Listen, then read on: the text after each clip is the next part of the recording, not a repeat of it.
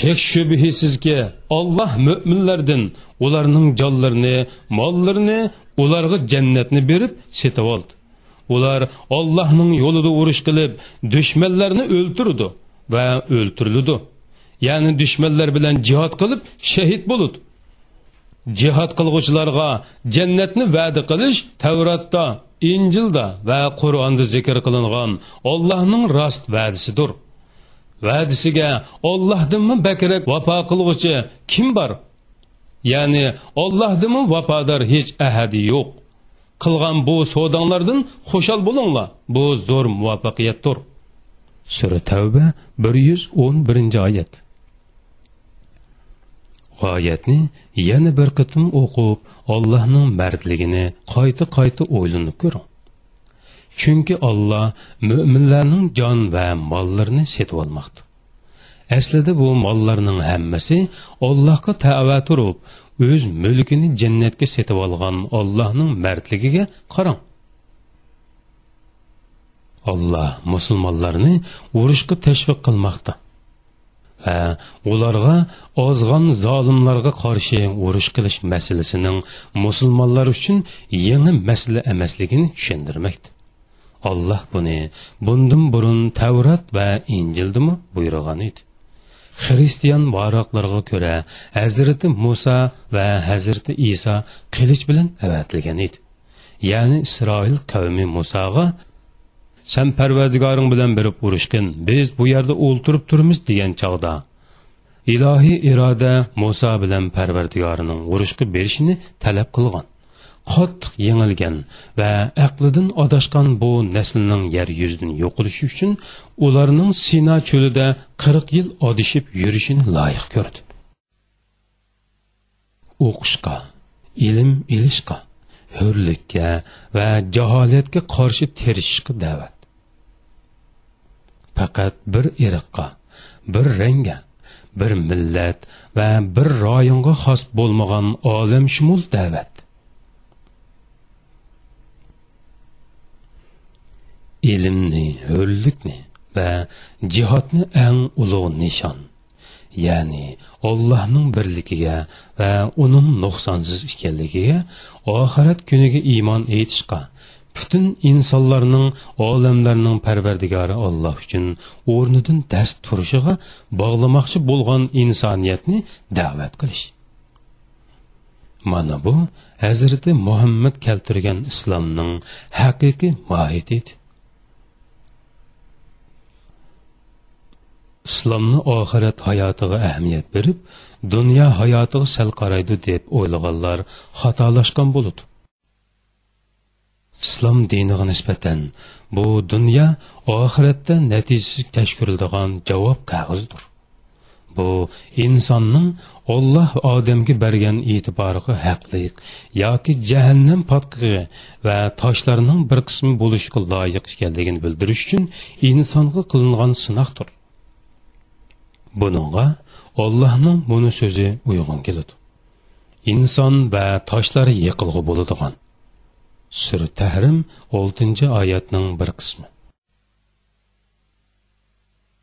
Payg'ambar alayhissalom mulk surasidagi alloh taoloning buni so'zini kishilarga yetkazgan chog'da oyat bilan o'limning yoritilishining hikmatini aniq ifodalab bergan edi.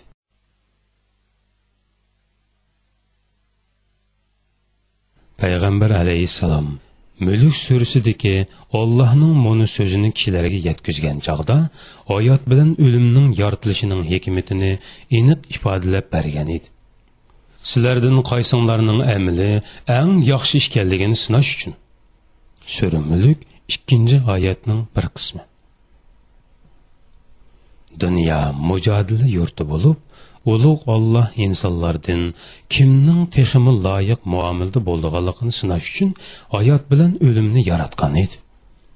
Olloh hamma ishni yaratishdan burun biladi. Bu bilish uning ilkida bo'lgan hech narsani ko'paytmaydi. Inson bilimga muhtojdir. Olloh uni bilishi va o'rganishi uchun yaratgan edi. Eng özünü o'zini bilish bo'lib qiyomat kuni har inson o'zini eng yaxshi shaklda taniydi. Ən eng yaxshi shaklda cəza jazo mı tuniydi balkim oxirat kuni haqida erishgan bu bilmimiz dunyo hayotining eng pok mukammal marhamatlik va insoniy bo'lishni talab qiladi. Hazrati muhammad elib kelgan islom mana bu edi asosiy va mohiyati bu edi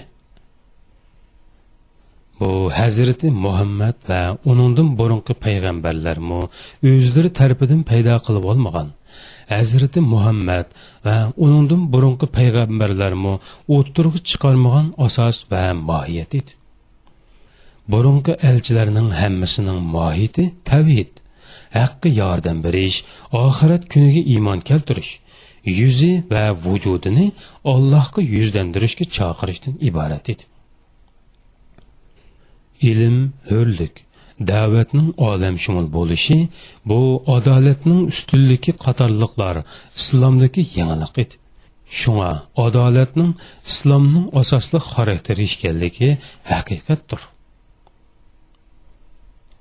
Samoviy dillar garchi mohiyat jihatda o'xshash bo'lsimi har biriga birdan ortiq din va payg'ambar keltirilishni lozim bilgan allohning irodasi. Har dinning u din ilib kelgan kishilarning asosliq ehtiyojiga eng to'g'ri o'lchamda vakillik qila oladigan o'zgacha aloyidligining bo'lishini to'g'ri topgan edi. Masalan yahudilik misrda chunqur yiltiz tortgan butparastlik muhitida o'ttirg'i chiqdi. Qul cho'rlarga aylantirilgan isroil qavmiga samoviy din tushirildi. Shunga bu dinning asosiy xarakteri bu xo'rlangan irqning misrdagi butparastlikning ta'siriga uchrashini va pravinning diktatorligi qarshisida qul o'rniga tushib qilishni to'sish uchun qilingan besim edi. Bu besim orqali yahudi dini qutulish va hurlikka erishtirish elchiligi bo'lishda muvaffaqiyat qozondi ammo qul cho'rilashtirilgan va rahimsiz bani isroil qavmi rumliqlarning ilkiga o'tish uchun piravinning bo'yin turqidan qutulib chiqdi. Chunki u misrliqlarning bo'yin turqidan teximi chin va kuchli edi. Bu ahvol xristianlik yo'li bilan yangi bir qutulish yo'li. Ya'ni farqli uslub va boshqacha yo'l tepishiga to'g'ri keldi. Bu uslub qurolliq qarshilik ko'rsatish bo'lib zo'rliq ishiltish va qechishni rad qilishdan iborat edi. Chunki rumliqlar har jihatdan butun dunyoni o'ziga bo'ysundirg'idek darajada kuchli edi. Ammo eng ustun marhamat bilan ya'ni qurol ishlatmay turib bu g'olibiyatga erishgili bo'lishi mumkin. Xristianlik ana shundoq tinchlik va marhamat orqali to'liq qurollangan rum imperatorligining ustidan g'olib keldi. Islom oxirgi va umumiy bir din sifatida kelgan edi. U ollohning yer yuzidagi va uning ustidagilarga merosxo'r qilg'ini bo'yicha yer yuzini isloh qilg'uchidir. Buning uchun uning xususiyati adolatlik bo'lishni talab qiladi. Besim ma'lum mazgil ma'lum shartlar ostida ma'lum irq uchun foydali bo'lishi mumkin. Marhamat g'oyibi bo'ladi. Ammo u hargizmi muomala va pozitsiyalarni o'lchab bekitadigan o'lcham emas. Garchi u hissiyotchan va fuqumushliq kishilar uchun belgilik o'lchamda ko'rinsimi umumiy jihatdan o'lcham bo'lishga loyiq emas. Adolat islomning xarakteri bo'lib u axloq fazilatlarning tangponligini saqlab har bir fazilatning rolini to'liq joriy qildiradi mana bu umumiy va oxirgi o'lchamdir adolatning ulug'ligi uning koinotning qurilmasiga asos bo'lishi balkim alloh taoloning buni oyatiga toyinishi mumkin. Olloh adolatni barpo qilgan holda guvohlik berdiki uningdan boshqa hech ma'bud barhaq yo'qdir. Farishtalarmi ilm ahlilarmi shundoq guvohlik berdi. Sura ol imron o'n sakkizinchi oyatning bir qismi. Islomda ulug' ollohning g'oyibi bo'lishi qarta aytganda ulug' ollohning o'zi uchun shohid keltirgan adolat islom va musulmonlarning xarakteri bo'lishi kerak. Islomdagi adolat faqat iqtisodiy adolat irodiy adolat va jazo adolatidanla iborat emas balki bularning hammasini o'z ichiga oladigan va ulardan burunqi va keyingi hayot uslubi metodi va islomning asosiy xarakteridir. Islomga mayli qaysi tarafdan qaramang adolatning har narsadan ustun ekanligini ko'rsiz burunqi dillarmu adolat bardi zamonimiz jamiyati bilan kishilar orasida dunyo bilan din orasida erlar bilan ayollar orasida boy bilan yo'qsilning orasida hukmron bilan mahkum orasida adolat bor. Hatto osmon zimin adolat bilan to'lib toshmoqda shunga alloh taolo o'ziga odil ya'ni adolatlik ismini bergan edi. Undan boshqa islomning o'zgacha alohidligi bor. Ya'ni islom payg'ambarlarning kelganiga uzoq bo'lg'iniga o'xshashla ko'ni bir din edi. Yunus sursida hazrati nuh mundoq degan edi. Agar sizlar mening nasihatimdan yuz o'rsanglar sizlardan yuz o'rishinglarga sababchi bo'ladigan haq so'rg'inim yo'q. Man ajrimni faqat ollohdanla so'rayman. Man ollohga bo'ysung'uchlardan bo'lishga buyurildim dedi. Sura yunus yetmish ikkinchi oyat. Sura baqarada hazrati ibrohim bilan hazrati ismoilning kabini yasab o'tib mundoq deyishganligi tasvirlanadi. Parvardigorimiz bizning xizmatimizni qabul qilg'in. San haqiqatan duoyimizni anglab turg'uchisan. Niyatimizni bilib turg'uchisan. Ey parvardigorimiz ikkimizni o'zangga itoatman qilg'in. Bizning avlodlarimizdanmi o'zangga itoatman ummat chiqarg'in. Bizga hajjimizning qoidalarini bildirgin tavbimizni qabul qilg'in. Chunki sen tavbini nihoyatda qabul qilg'uvchisan nihoyatda mehribonsan. Sura baqara bir yuz yigirma yettinchi oyatning bir qismi va bir yuz yigirma sakkizinchi oyat. Hazrati ibrohim bolalarga vasiyat qilishni unutmagan edi. Hazrati yaqubmi ularning orasida edi hazrati yaqub bolalarga ularning bu dunyodan musulmon peti o'lishni vasiyat qildi bu haqda alloh taolo mundoq deydi ibrohim va yaqub o'z o'g'illariga vasiyat qilib ey o'g'illarim olloh sizlarga mushu dinni ya'ni islom dinini tanladi faqat musulmon petinglarcha o'linglar. Ya'ni iymoninglarda mahkam turinglar. Toki iymon bilan ketinglar dedi. Sura baqara bir yuz o'ttiz ikkinchi oyat. Alloh taolo yunus surasida musoning qavmiga mundoq deganligini bildirdi. Ey qavmim agar ollohga iymon etgan bo'lsanglar ollohga bo'ysungan bo'lsanglar uningga tavakkul qilinglar. Ya'ni hamma ishinglarni allohga topshiringlar har qandoq ahvolda allohga yuzlaninglar dedi.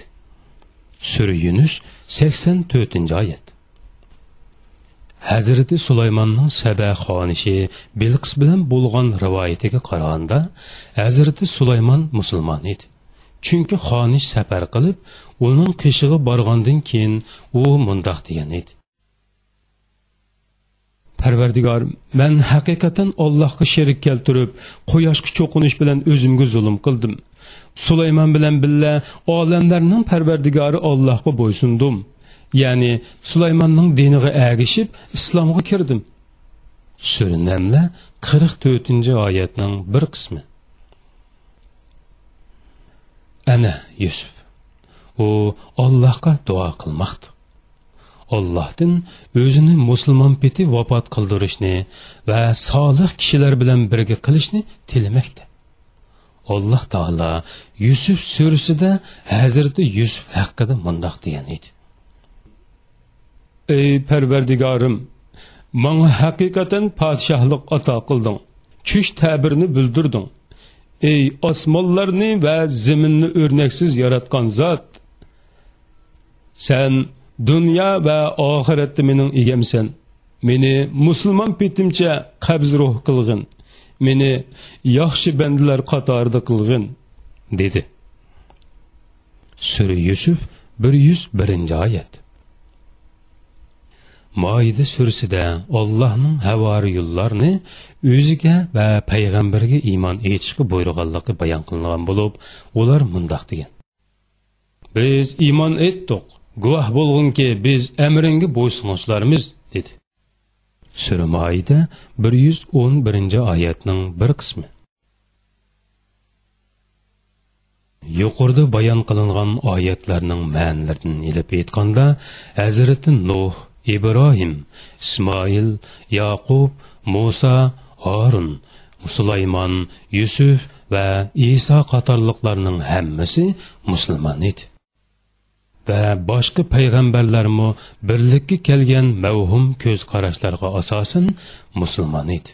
Undoq bo'lgan ekan payg'ambarlarning eng oxirgisi bo'lgan hazrati muhammad sallallohu alayhi vasallam qandoqsiga tunji musulmon bo'lsin? Alloh taolo oxirgi payg'ambarga xitob qilib mundoq degan.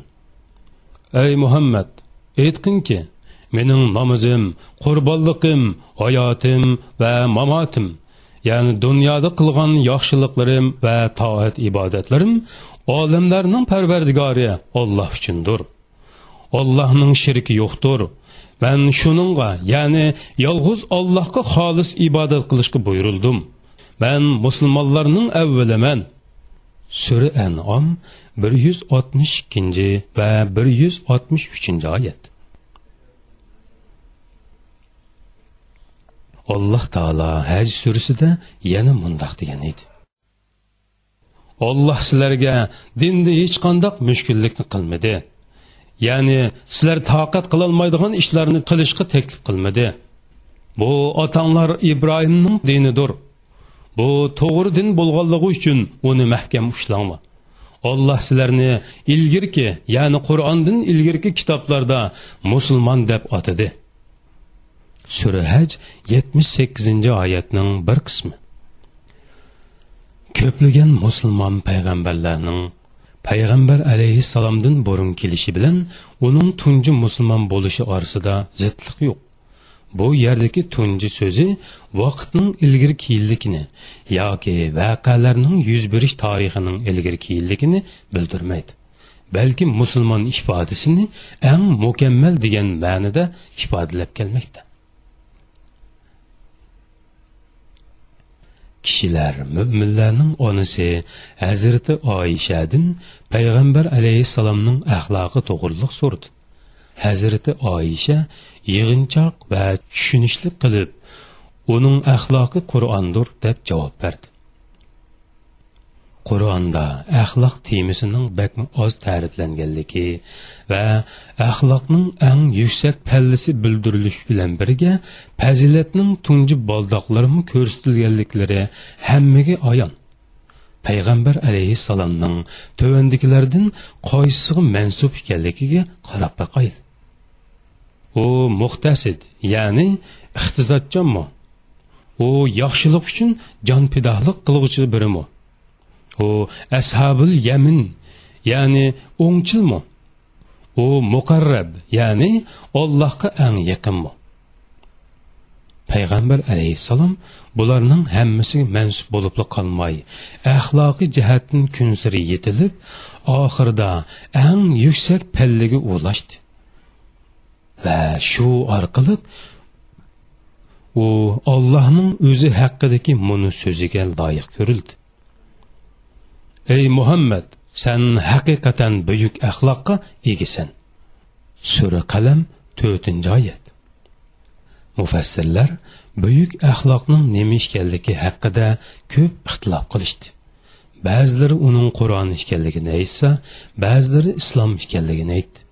Yana ba'zilar bo'lsa faqat ollohning visolig'i yetishini orzu qilish deganlik bo'ludi dedi.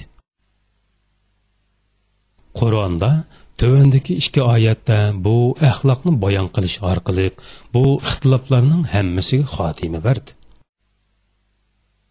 u oyatlarning birincisi mana edi ey muhammad aytqinki mening namozim qurbonliqim hayotim va mamotim dunyoda qilgan yaxshiliklarim va toat ibodatlarim olamlarning parvardigori Alloh uchundir ollohning şeriki yo'qdir. Man shuningga ya'ni yolg'iz Allah xolis ibodat qilishga buyurildim buyuruldum. musulmonlarning avvaliman sura anam bir yuz oltmish ikki va bir yuz oltmish uchinchi oyatlar mutlaq holda ularning tunjisi mukammallik ustunlik sharaf kamolat axloq fazilat va marhamatda ularning tunjisi edi. Garchi u payg'ambarlarning oxirgisi bo'lib kelgan bo'lsimi balki payg'ambarlarning oxirgisi bo'lib kelganligi uchun payg'ambarlar saroyining eng mo'taviri bo'lib tanlangan edi. Bu saroylarning eng mo'tavir bo'lishi uchun inson o'g'illari ichidami ang yuksak pallaga chiqishi lozim edi. Ikkinchi oyat ulug' ollohning ambiyo surasidagi shu so'zi edi ey muhammad biz seni butun ahli jahon uchun faqat rahmat qilibla avatdiq sura ambiya bir yuz yettinchi oyat u faqat arablarga quraysh qabilasiga o'z zamoniga va arab yerim orlig'i emas balki butun ahli jahonga marhamat qilib avatilgan edi shundoq. U olamlarga qilingan rahmat edi. Hozirmi shundoq. Kelgusidamu ham shundoq bo'ludi dastlabida iqra ya'ni o'qu oyati uningga nozil qilingandan tortib toki bandilar yer yuziga voris bo'lib turilgan va qiyomat qoyim bo'lganga qadar u rahmat sifatida u rahmat sifatida va alomatidadir u olamlarga hadya qilingan va ko'z qomashtirdigan mo'jizlar davomliq turda uningga hamro bo'lgan bir rahmatdir. Shundoqla u yana aqllarni ikki kitobni o'qishga yetaklagan rahmatdir. Birinchisi koinot kitobini ya'ni yoritilgan qur'onni yoki millionlarcha shakl va surati bo'lgan ollohning kalimalarini o'qishga yetaklagandir. Ikkinchisi ruhul quddus ya'ni jibril ilib kelgan qur'onni. Ya'ni ollohning o'zgarmas kalomidir. Ya'ni qur'onni o'qishga yetaklaganligidir koinotning kitobi minglarcha yo'lni millionlarcha safarlarni o'z ichiga olmoqda. San bu kuffarlarga aytgin zaminda sayr qilinglar. Gunohkorlar ya'ni payg'ambarlarni inkor qilg'uvchilarning oqibatining qandoq bo'lganligiga qaranglar. Sura namla oltmish to'qqizinchi oyatning bir qismi. Yoki aqliga xitob qilmoqda. Ularga biz toki ularga qur'onning haq ekanligi aniq bo'lguncha osmon zimin atrofidagi va o'zlaridagi qudratimizga dalolat qiladigan alomatlarni ko'rsatdimiz sura fusilat ellik uchinchi oyatning bir qismi. Va yoki ilm fan tadqiqotiga undamaydi. Zaminni insonlarga va hayvonlarga turalg'u qiladigan uning turli taraflarda daryolarni oqqizgan uning ustida tavrab ketmasligi uchun tog'larni o'rnatgan ikki dengiz orasida ya'ni totliq suv bilan sho'rliq suv orasida orlishib ketmasligi uchun to'soqlarni paydo qilgan kim? Ollohdan boshqa iloh bormi? Boshqa iloh yo'q. Ular ya'ni mushriklarning to'lisi buni bilmaydi. Sura namla oltmish birinchi oyat. Allohning yoritilgan kalimalarini koinot kitobidan o'qish uchun minglarcha yo'l bo'lsa, Allohning o'zgarmas kalomini o'qish uchun faqat birli yo'l bor edi. U bo'lsimi, Qur'onni qalb ko'zi bilan, sezgu hissiyoti bilan o'qish edi. bu orqali qur'on mumkin bo'lganga qadar uning axloqiga singadi qur'on nozil qilinishdan burun koinot ruhiy moddiy qonuniy va idoriy jihatlardan bakmu kamchil edi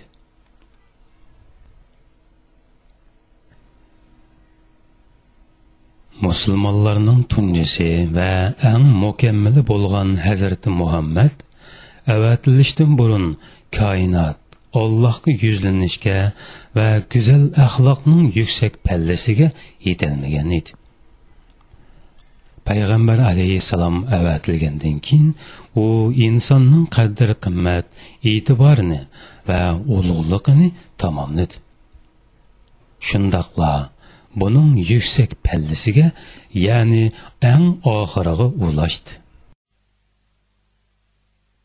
alloh mana bu ulug' kitob va marhamatlik payg'ambari orqali insonlarga avatadigan din va ne'matlarini tamomladi. Alloh taolo mundoq degan edi. Bugun sizlarning dininglarni butun qildim. Sizlarga ne'matimni tamomladim. Islom dinini sizlarning dininglar bo'lishga tanladim. Sura moida uchinchi oyatning bir qismi. Ammo bularning hammasining amalga ishishi uchun payg'ambar alayhissalom insonlarning ko'pinchisini yer va osmondagilarni Allohga hamda etishga loyiq holga keltirish uchun jihod qilishi lozim edi va shundoq qildi. Muhammad ibn abdullohga o'xshash ko'ngli qattiq ranjidilgan bir payg'ambarni bilmaymiz. Olloh yo'lidagi ig'ir jafo mushaqqatga va qiyin qistoqqa bizning payg'ambarimizdek chidoshlik bergan va sabr toqat qilgan payg'ambarnimi ham bilmaymiz. Alloh olimlarga rahmat qilib avatgan kishining bir insonga badduo qilishi mumkin emas. Ammo u odam mutaham kofirlardan bo'lib qolsa u chog'da ahvol boshqacha bo'ladi. U duoga loyiq bo'lganlarga duo qiladi. Tishini mahkam tishlab sabr qiladi. Kuchining yetishicha bardoshlik beradi. Mag'durdan ketgicha terkishadi. Ondan qalbi u mamnuniyatga va ko'zlari yoshga to'lgan holda allohga mundoq deb munojat qiladi.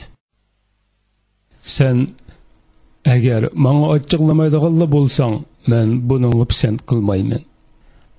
Allohning mamnuniyati oldida butun mavjudiyat uning uchun hech nimaga arzimaydi.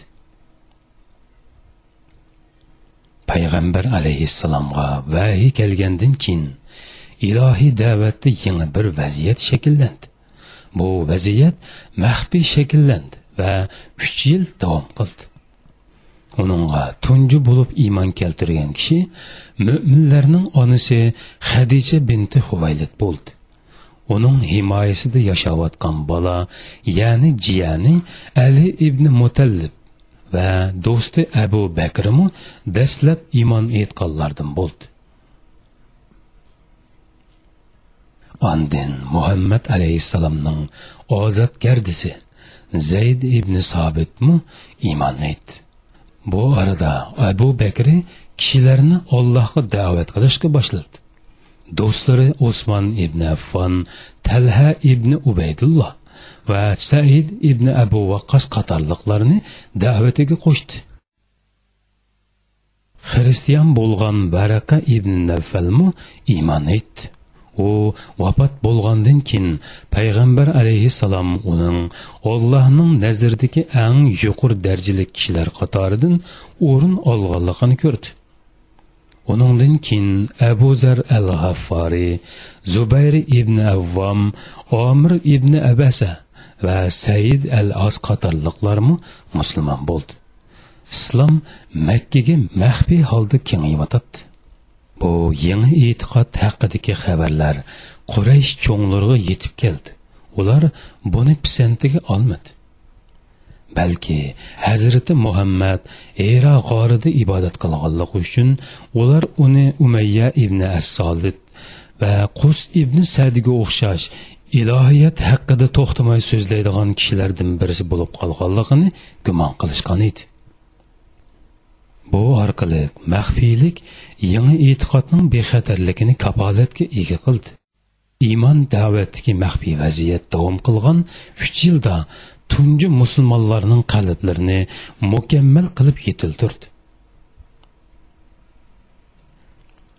Payg'ambar alayhissalom ularni tarbiyalaydi. Ularning ko'ngil xohishlarini o'zgartirdi. Va ulardan islom qo'shunidagi tunji bahodirlarni yetishtirmoqda edi bir kuni jibril ollohning buni so'zini ilib keldi.